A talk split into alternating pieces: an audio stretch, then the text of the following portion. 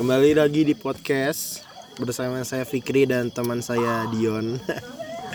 Dion gimana kabarnya? Baik bro Jadi Dion ini nama panjangnya siapa?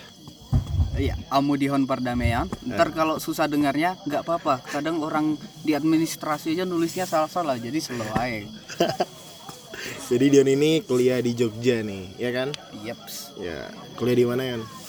Di Universitas GM gitu DM. Iya Jurusan? Jurusannya Sosiologi bro Sosiologi. Sosiologi. Iya, Sosiologi Sosiologi. Oh iya, siap Udah tingkat berapa ini ngomong-ngomong? Waduh, kalau masalah tingkat ini susah bro Tapi kalau tahunnya kebetulan tahun keempat Tahun keempat. Berarti udah masuk skripsi nggak sih? Iya, Udah ya. udah masuk skripsi betul Jadi kita aku sama Dio nih lagi nongkrong di apa namanya nih? Kopi Merapi bro Kopi Merapi di daerah Cangkringan itu dekat-dekat sama puncak Merapi walaupun ya secara jarak juga agak susah nanti kalau mau ke Merapinya. Tapi suasananya dingin ya. Oh dingin banget bro, di sini nggak pakai jaket, ah mati langsung. Tadi waktu ke sini hujan juga gerimis. Oke, jadi Dion dari SMA 10 Samarinda tinggalnya di Bontang. Betul. Oke. Jadi gimana Yon kuliah di UGM Yon? Ya jadi mungkin kalau kuliah di UGM ya, Kan kan orang-orang punya pemikiran wah anak UGM pasti pinter-pinter nih. ya. Terus juga orangnya pasti berintelektual tinggi. Nah, jadi kebetulan orang yang ngomong kayak gitu biasanya sih yang pastinya juga dia itu di luar Jogja. Kalau di luar kalau udah di dalam Jogja ketemu orang UGM ya biasa aja ya kan. Hmm. Karena interaksinya juga entah sepupu, entah adik, entah kakak, udah entah teman, entah om pasti ada aja yang orang UGM. Jadi karena mungkin udah terbiasa jadi nggak ada lagi pemikiran uh pintar atau apanya kan banyak juga yang dari jalur belakang gimana sih Fi? Oh iya. Berarti banyak juga orang-orang yang masuk ya ngasih uang pangkal gede gitu. Iya, Ada. dong Berarti kalau udah sekarang sampai ba- bagian skripsi berarti udah KKN dong kemarin. iya KKN-nya daerah mana tuh? kalau aku sendiri sih kemarin hoki betul dapatnya itu pas di kota Jogja Hmm. itu sampai teman jurusan teman dari teman entah apa itu pasti lu kok bisa di Jogja bukannya biasa UGM jauh-jauh betul ya Hmm. sampai Kalimantan Papua Oh, ada di Papua. ada nah itu Demi KKN dong di Papua. demi KKN tapi memang sebenarnya terbaginya dua kalau gue bilang memang anak KKN itu orang yang mau explore di luar Jawa atau orang yang mau dekat sekali sama kampung halaman Kan orang Jogja kan terkenal gimana ya?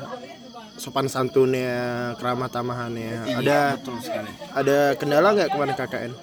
Kalau saya sendiri enggak sih Enggak ya? Iya, bukannya bermaksud untuk narsis ya, Vic. Jadi mungkin kalau aku sendiri menganggap diriku memang gampang menempatkan diri, gampang beradaptasi dengan situasi sekitar lah. Meskipun banyak masyarakat di daerah kamu waktu kamu KKN itu banyak yang beribadah kan, kan mayoritas muslim kan. Betul. Kamu ngerasa terganggu nggak dengan hal kayak gitu? Enggak, karena mungkin Atau kamu gabung kamu gabung ke masyarakat itu? pura-pura gabung iya. Oh, karena gimana juga- gimana cerita? karena ngetepnya juga tempat KKN ku kan memang sering sekali kan di masjid. Hmm. Cuman kebetulan mungkin karena backgroundku juga sebelum kuliah itu tiga tahun di asrama yang kebetulan memang hanya 14 dari 200 sekian yang dia itu non is jadi udah biasa sebenarnya Udah biasa ya. Iya. Berarti nggak ada kendala ya? betul berkebalikan jauh nih sama misalnya temanku yang waktu SD SMP SMA nya mungkin di Katolik Oh. Waktu Yang itu- swasta? betul itu kan jadi saking nggak pernah nyentuh masjid aja hampir nginjak batas suci nah, gimana itu Vi kan saya pusing kalau saya sama Solo gimana kalau takmirnya ternyata Waktu orang KKN ada yang mau injek batas suci masjid. betul Terus terus. ya kebetulan waktu itu karena saya pas di sampingnya jadi saya tahan Hmm. langsung suruh buka alas kaki Saking nggak taunya itu. saking nggak taunya itu dia pertama kali menginjakkan kaki di masjid KKN berapa bulan tuh?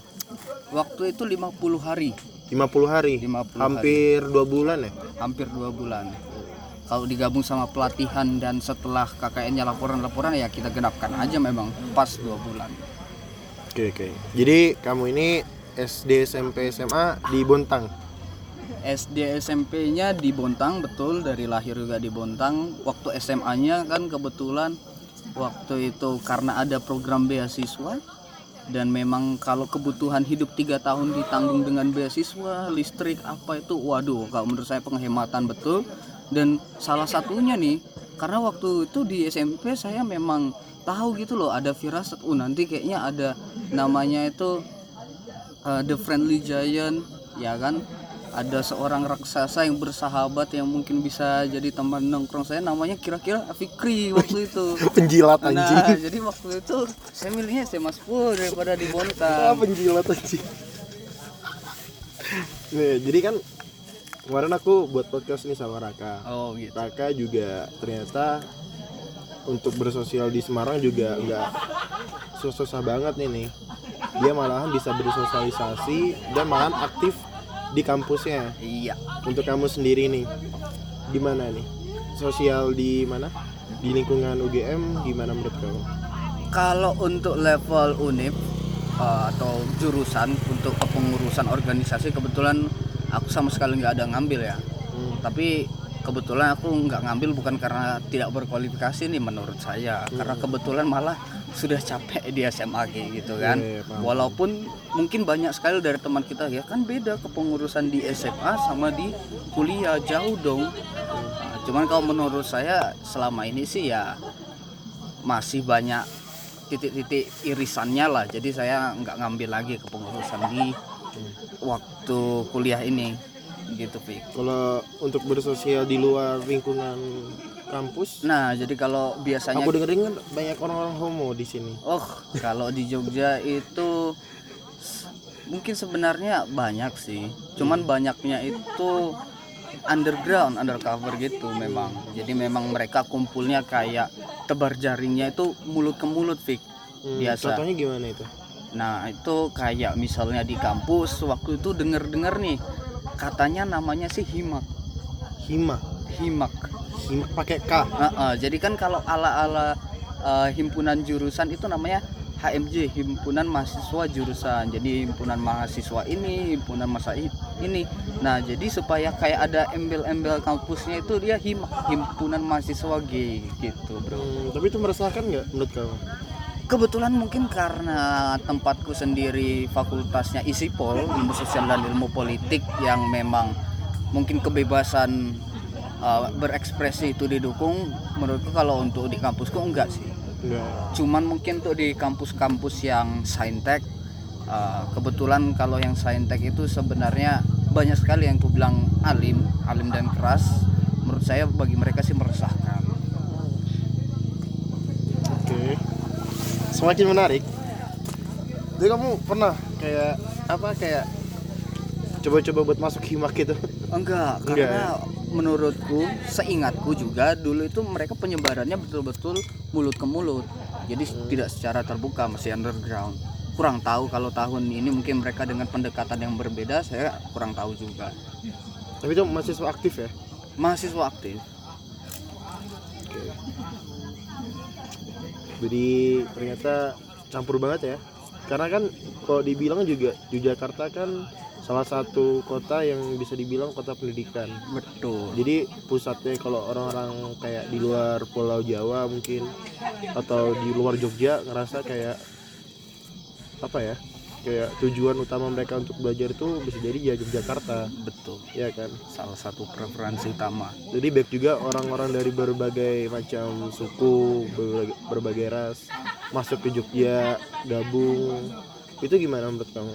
Iya, jadi mungkin karena background saya sendiri di Jogja ini bukan dari orang Jawa dan kebetulan saya juga non Muslim ya. Hmm. Jadi saya rasa untuk image saya ke mereka itu citranya juga lebih terbuka, interaksinya juga lebih gampang. Tapi jika mungkin saya nih dari lahir sampai kuliah di Jogja dan kebetulan biasa sopan santun, bisa jadi saya kalau ketemu dengan orang-orang yang dari luar Jawa saya merasa tidak sopan dan menurut saya itu dua-duanya itu wajar karena didukung oleh historis background mereka masing-masing gitu Hmm, oke oke oke oke. Ada nggak sih kayak masalah-masalah yang pernah kamu alamin untuk bersosialisasi di Jogja ini? kalau aku sendiri sih Anjir kok kita kok kayak apa formal banget ya? Gimana Yon? Ada itu nggak? Kayak masalah-masalah kamu untuk bersosialisasi sama orang-orang di sini pernah nggak ngalamin? enggak sih Kayak kalau kamu nggak bisa masuk eh, lingkungan ini, kamu nggak bisa masuk eh, lingkungan yang lain, itu gimana sih? Enggak, kalau itu aku merasa enggak. Kebetulan kalau mungkin masalah di jurusan sendiri kan namanya wajar lah jurusan mungkin waktu semester pertama semua ngumpul. Nanti semester 3 4 udah nemu lingkarannya masing-masing. Dan kalau aku bilang itu namanya klik, ya kan. Klik itu memang kumpulan sekitar 4 sampai 10 orang yang mereka itu punya suatu identitas utama entah itu identitas asal daerah mereka atau identitas atas kesamaan hobi dan lain-lain. Dan memang itu semua wajar. Bahkan untuk guru-guru dosen-dosen itu juga pasti punya klik.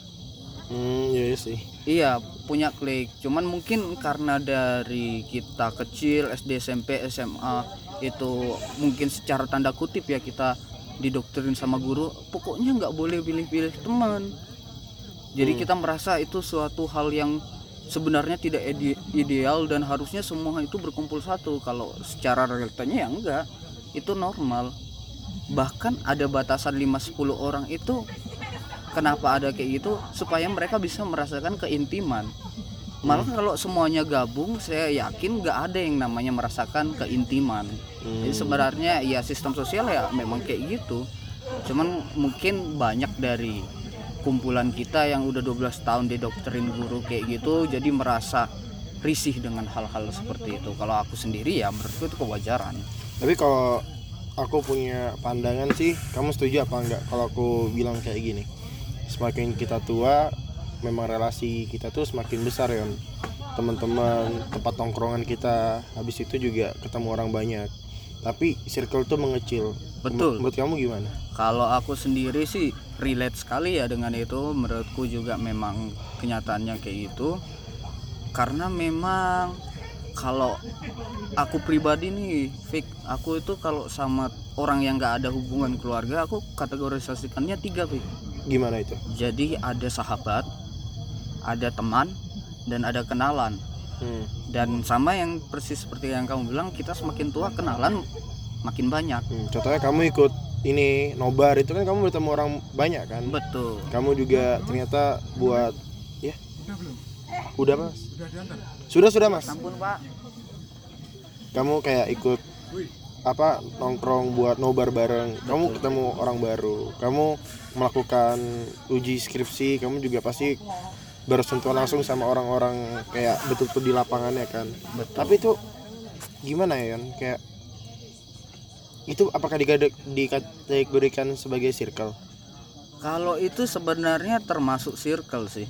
Hmm. Cuman yang ku bilang itu masuknya kenalan yang di mana itu kualitasnya rendah eh, hubungannya tapi kuantitasnya pakai banyak. Oh. Sementara kalau sahabat itu kuantitasnya angkanya dia dikit, tapi kualitas keintimannya dia makin besar.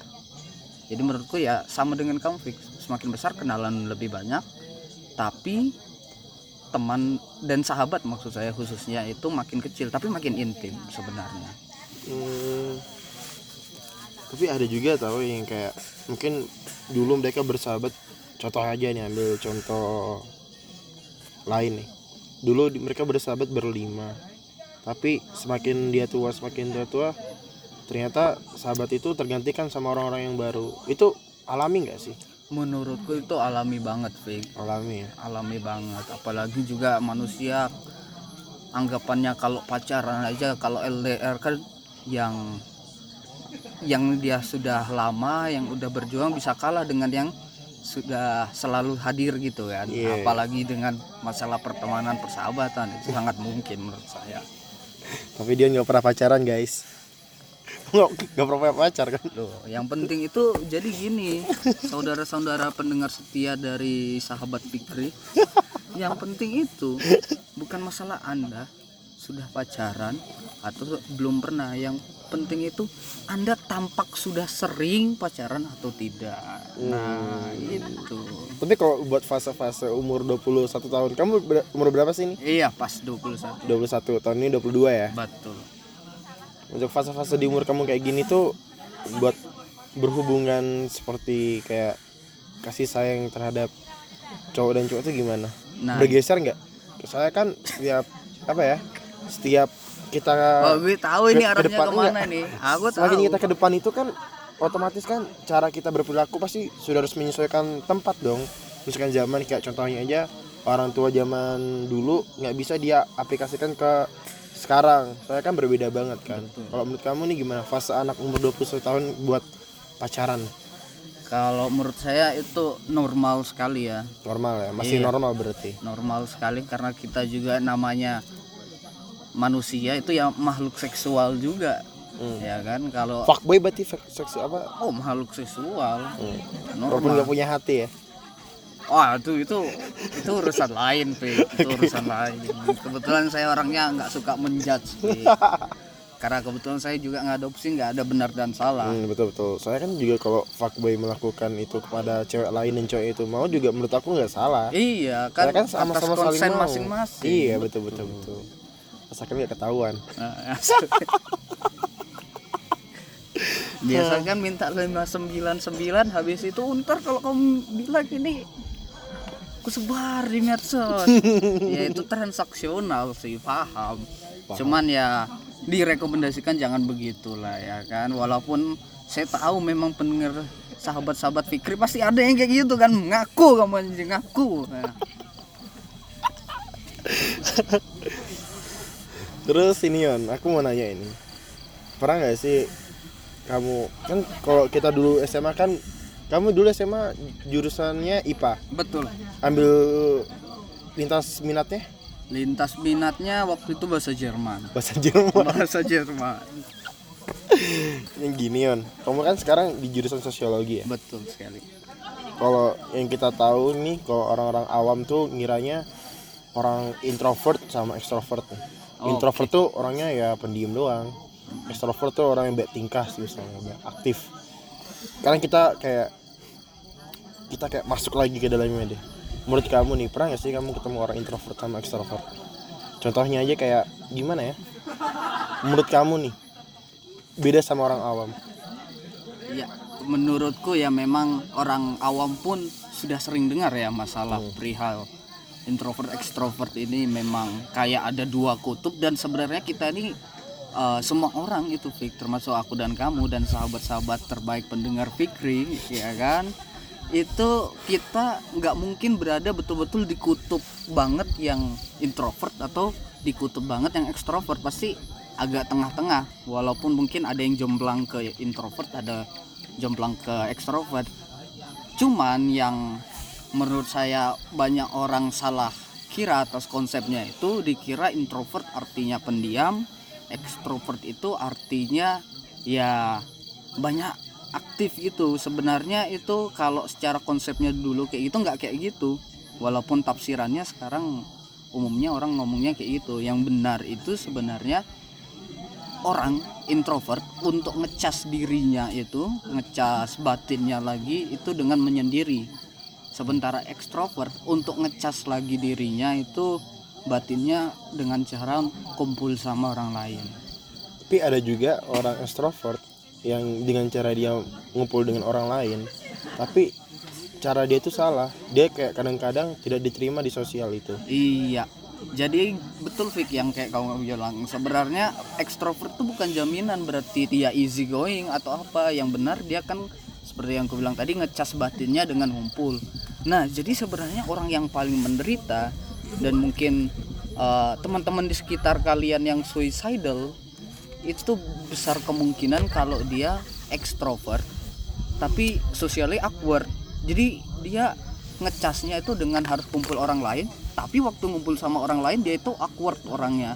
Canggung dan eh, apa itu kayak namanya? lebih ke not confident gak sih? Iya not confidence gitu. Jadi akhirnya dia pun susah didengar orang lain padahal dia ekstrovert. Wah itu menderita banget. Masih mending yang introvert yang misalnya dia susah untuk kumpul sama orang lain tapi cara ngecas batinnya dia memang juga menyendiri. Kan masih enak. Daripada ekstrovert yang udah ngecasnya harus sama orang lain tapi waktu ketemu sama orang lain dia awkward canggung dan lain-lain. Tapi sebenarnya orang introvert itu ada juga orang yang Ntar ya. Ada jeep lewat, guys.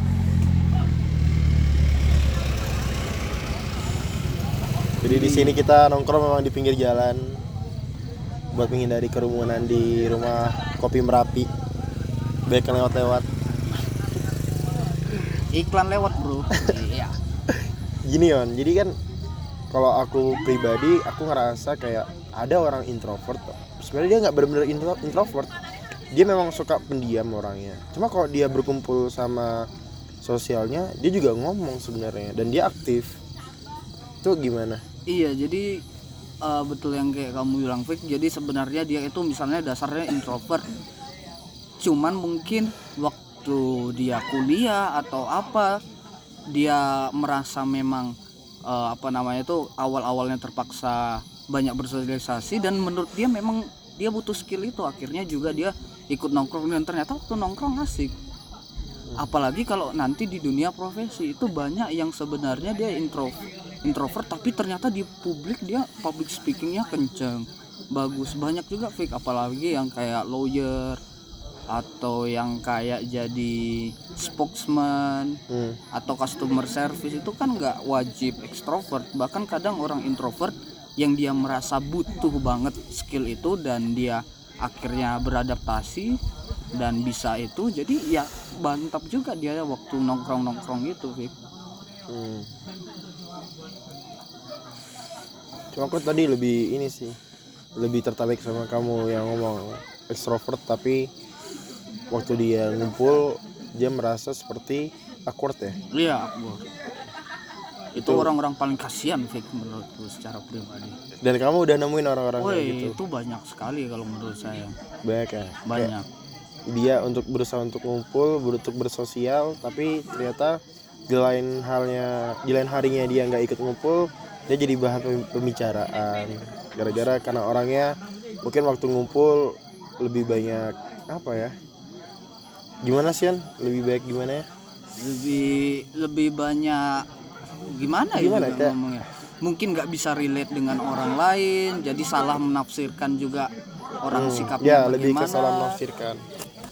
tiba-tiba karena salah menafsirkan ih orang kayak mungkin dia udah 20 tahun lembut orangnya santun terus tiap hari tiba-tiba ketemu orang yang agak teriak di tempatnya dia itu terus dia merasa oh itu berarti orangnya lagi marah padahal orang yang teriak itu memang 20 tahun misalnya dia nggak di Jawa dan suara normalnya di kulturnya juga kayak gitu bisa Berarti itu memang betul-betul kayak memang alami Yon. Itu seperti kayak gimana ya? Kayak ternyata diri kita tuh sudah memfilter diri kita. Kayak kamu berusaha buat masuk, tapi kamu nggak bisa masuk. Ya udah, akhirnya kamu harus mencari circle yang lain Betul. atau walaupun bu- bukan berarti kayak kamu saling hate ya. Kayak misalnya kamu mencoba masuk, lalu kamu keluar kita membenci itu enggak sebenarnya. Lebih kayak senyamannya. Kita lagi nyari nyamannya kita sendiri kan. Betul. Kayak ya udahlah aku maunya ngumpul sama ini aku mau bicarain hal ini. Itu bukan berarti gimana ya membatasin kan? Enggak enggak membatasi. Ya nyari yang satu frekuensi aja. Apalagi kalau ini kalau pada sahabat Fikri main gitar ini pasti tahu nih yang namanya resonansi. Atau yang dulu SMA SMP-nya IPA pasti tahu nih apa yo renon resonansi.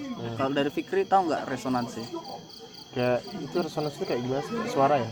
Ah ah, jadi oh ya suara kalau dia frekuensinya sama itu nanti dua-duanya saling bergetar. Hmm. nah sama kayak manusia sebenarnya manusia waktu nyari nongkrongan juga kayak gitu. Jadi kalau ada satu yang lagi ngomong terus satunya diam dan dia merasa frekuensinya sama ya akhirnya dua-duanya akan ngomong secara luas. Enak. Tapi aku pribadi aku lebih kurang suka kalau nongkrong itu ngebicarain masalah orang ya paham kan? Kenapa? Kayak buat apa gitu kita ngebicarain orang?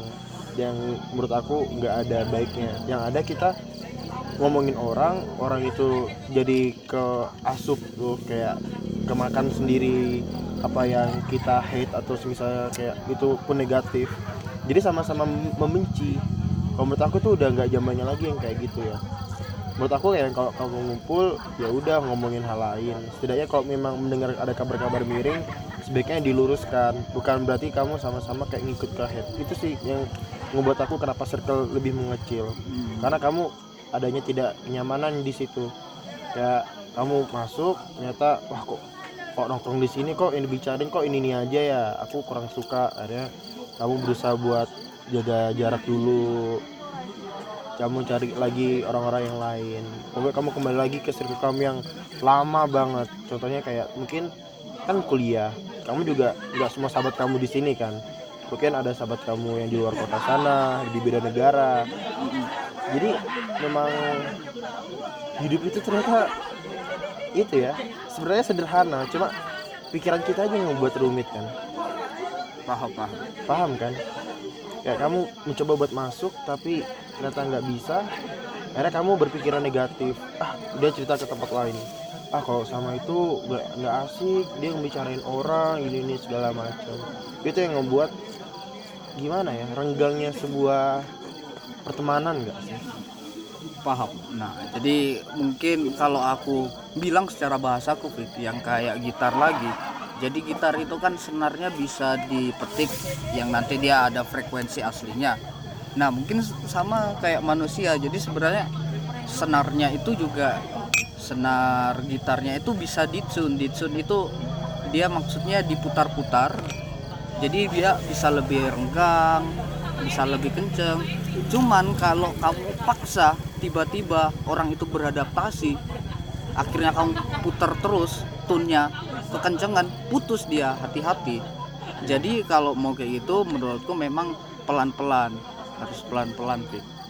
jangan sampai senarnya putus.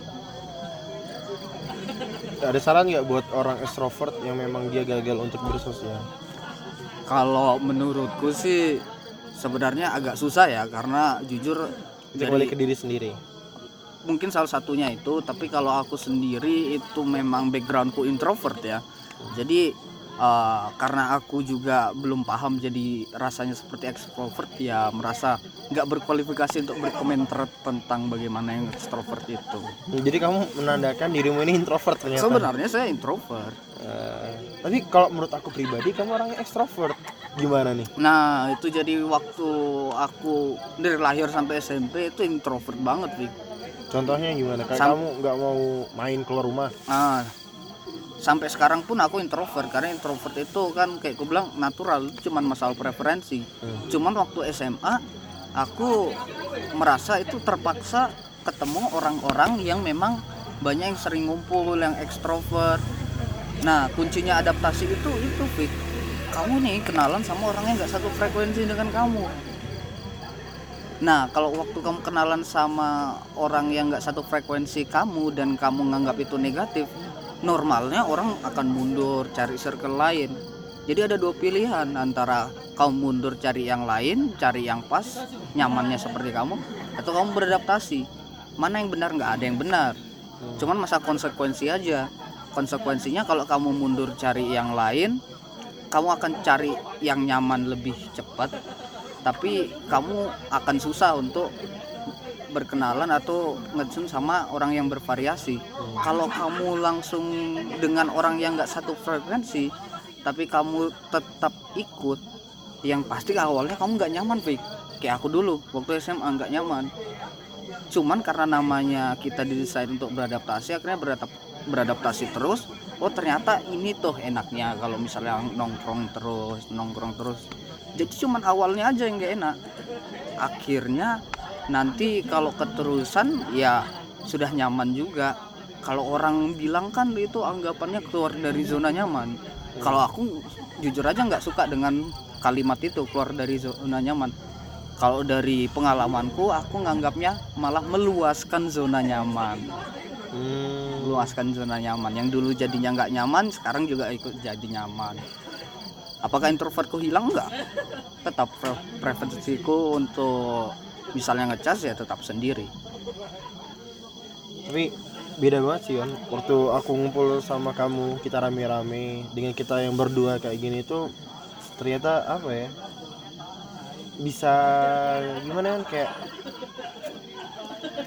lebih ternyata oh ternyata Dion tuh kayak gini loh orangnya. Nggak kayak kocak kalau kita ngumpul rame-rame. Nggak pedes waktu kita ngomong rame-rame. Ternyata Dion tuh punya pemikiran yang kita nggak tahu dia tuh punya pemikiran yang kayak gini. Sama kayak halnya kayak aku punya teman baru di Samarinda dan kebetulan dia kuliah di Jogja. Aku waktu ngumpul sama circle-nya dia aku kayak ngerasa aku eh, gimana caranya aku kayak masuk ke topik yang mereka bahas. Dan aku ketemu sama orang ini oh, orangnya kocak ya. Ternyata orangnya eh, apa asik kalau di tongkrongan. Terus nggak bisa serius selalu ngelawak. Tapi waktu aku cuma aku sama dia berdua kebetulan waktu kita lagi ngebahas ateis dan agnostik. Hmm. gitu. Jadi aku ngerasa kayak wah gila. Ternyata dari sifat first, first impression aku ngeliat dia yang Inisialnya E kah? orangnya P enggak. Oh bukan. jadi kayak apa eh, aku ketemu dia ini langsung kita ngebahas soal agnostik sama ateis itu langsung wah ternyata orangnya kayak gini ya ilmunya soal kayak gini tuh dia paham banget. Dan dari cara kita ngomong berdua itu kita nyambung. Dia sifat-sifat kocaknya menghilang. Jadi kayak jadi orang ini kayak serius. Dia belajar dari banyak orang dia belajar dari banyak perspektif orang. Itu sih jadi kalau aku menurut aku ya pribadi kayak ada orang kita tuh nggak boleh ngejudge langsung ya contohnya kayak gimana ya kenapa sih orang ini kok di tongkrongan mulutnya berbahaya? Padahal nggak berbahaya sebenarnya. Paham kan? Paham lah. Makanya aku sekarang lebih nggak mau kayak ngejudge orang. Kayak oh ternyata dia orangnya caur. Oh dia orangnya ternyata kurang ajar. Enggak sebenarnya siapa tahu dia tuh punya sisi sifat yang lain gitu. Karena kebanyakan orang semakin umurnya dewasa tapi sifatnya masih kayak kanak-kanak. Yang masih ngomongin orang di belakang berasumsi diri sendiri kalau misalnya orang ini nggak suka sama dia. Itu yang aku apa ya kurang suka sekarang. Karena dari kamu ngomongin hal ini ke teman-teman kamu akhirnya teman-teman kamu juga ternyata ikut-ikutan nggak suka jadinya. Itu problem menurut aku sekarang ini. Sebenarnya kita bisa bodoh amat. Cuma aku punya sesuatu yang nggak bisa bodoh amat ternyata. Gitu ya. Paham. Dan kalau aku kembali tadi kamu orangnya ternyata suka ngomong kasar. Eh nggak ngomong kasar sih. Lebih kayak pedes gitu di tongkrongan. Tapi kalau ngomong kayak gini berdua kamu ternyata bisa beda dari hal itu. Paham kan? Paham dong cuman mungkin kalau dari akunya ini mungkin ngaruh juga ya Fik. jadi memang kalau pembicaraan antara dua orang dengan pembicaraan antar empat lima orang itu beda kalau udah dua orang pasti mereka akan fokus cari kesamaan titik tumpu yang di mana mereka itu punya irisan lalu membahas itu sementara kalau empat lima orang memang agak susah Fik. kalau empat lima orang mungkin ada mengenang nggak sih? Eh, eh, mengenang yang semuanya bisa relate dari keempat ini. Atau misalnya tongkrongan yang 45 orang hanya ada dua orang yang dia itu satu frekuensi dan kebetulan dua-duanya dominan akhirnya tiganya itu lebih pasif duanya lebih dan aktif. cenderung lebih kayak merasa gimana ya? Merasa bodoh amat dan terkucilkan. Bisa dan jadi. lebih kayak aku nggak nyaman ini kayak gini. Itu kan. Betul. Cuman memang kalau dari dulu ini ada perdebatan Fik, masalah perdebatan moral muka dua muka tiga muka empat kan? Ada beberapa orang mungkin mayoritas lah yang nganggap muka dua muka tiga itu sebagai konotasinya negatif.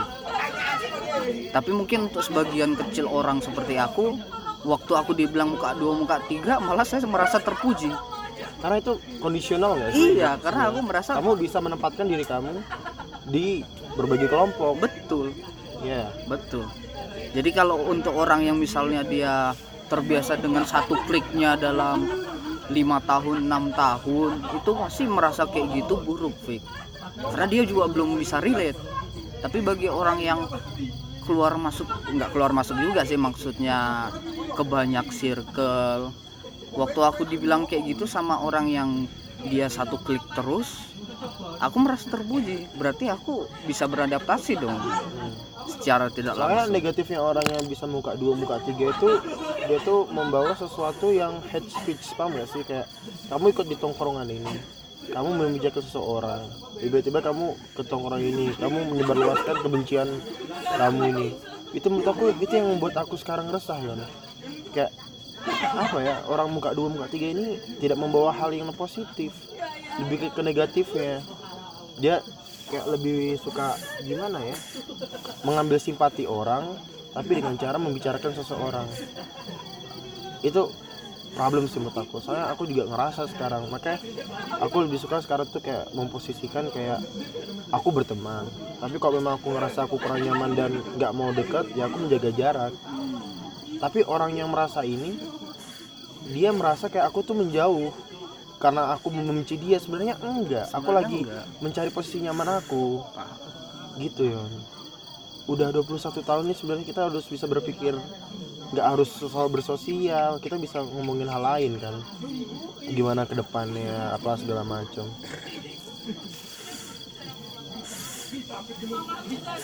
Baik banget orang-orang yang gimana ya.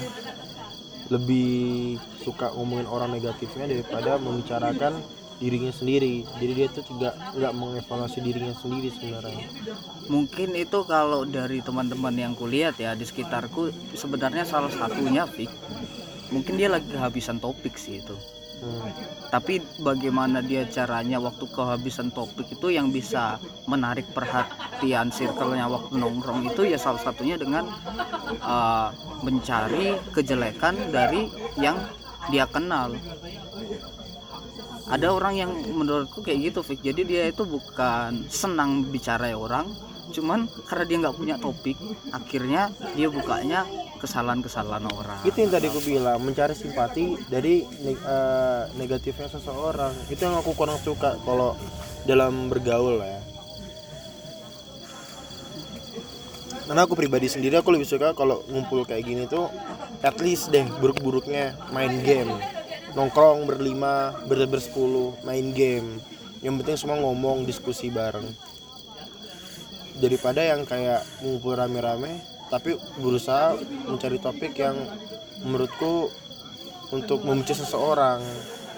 Gitu. Lebih baik kamu ngomongin sesuatu lah. Maksudnya kurang-kurangin. Kenapa aku bilang kayak gini dan itu sebenarnya urusan orang lain? Karena dimulai dari jadi sekarang ya kalau kita terbiasa kita ngomongin orang kita ke depannya pasti bakal ngomongin orang terus. Ya enggak ya memang Kalau salah satunya kebiasaan pasti diulang-ulang. Salam birokok guys. Santai-santai emang rokoknya Fikri ini yang mahal jadi yang kualitasnya jelek dikit dia nggak bisa muntah langsung. Jadi tujuan kita ngomongin soal sosial ini sebenarnya kita nggak mau menyudutkan seseorang. Iya cuma kita lebih nggak ya. kita lebih resah aja sih. Kenapa sih kalau ada si orang punya pemikiran kayak ah kalau aku ikut di tongkrongan pasti aku dibicarain gitu kan. Betul Padahal ada pasti sebenarnya yang paranoid pasti dia itu yang membuat dia berasumsi negatif. Akhirnya dia ke trigger hal itu dia cerita ke orang-orang jadi dia perpecahan. Sebenarnya enggak.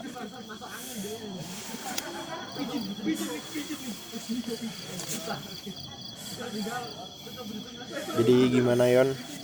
Jadi kalau menurutku sih mungkin karena kita cowok jadi lebih gampang lah ya kan ngungkapinnya kalau mungkin untuk cewek yang memang kulturnya itu drama itu lebih ditoleransi ya kebetulan saya kurang paham Be.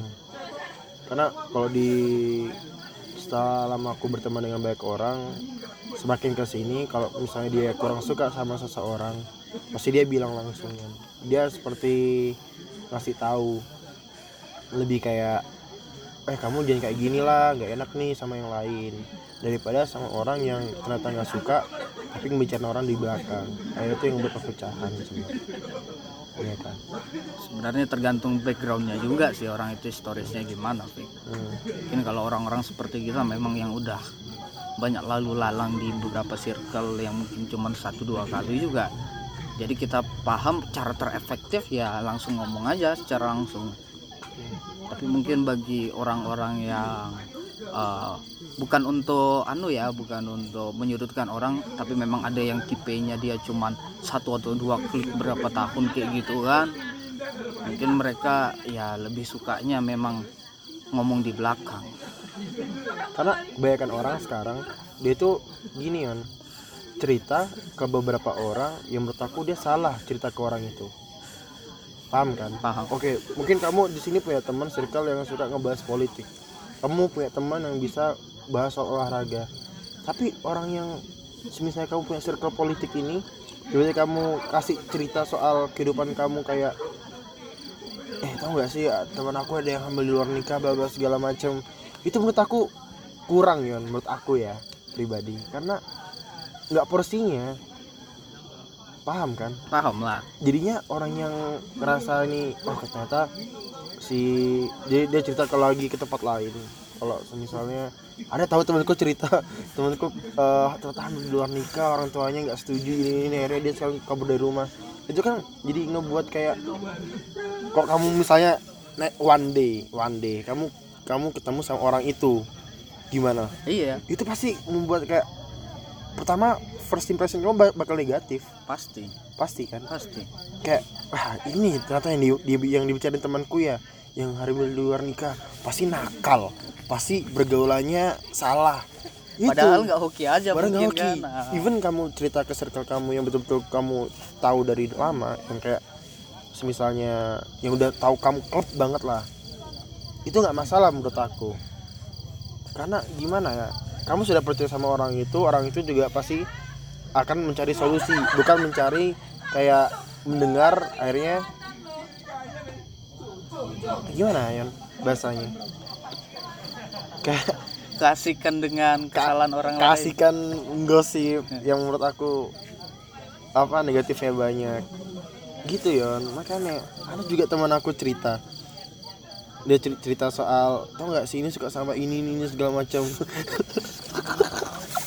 Akhirnya akhirnya aku mendengar aku merasa untuk menjaga cerita itu.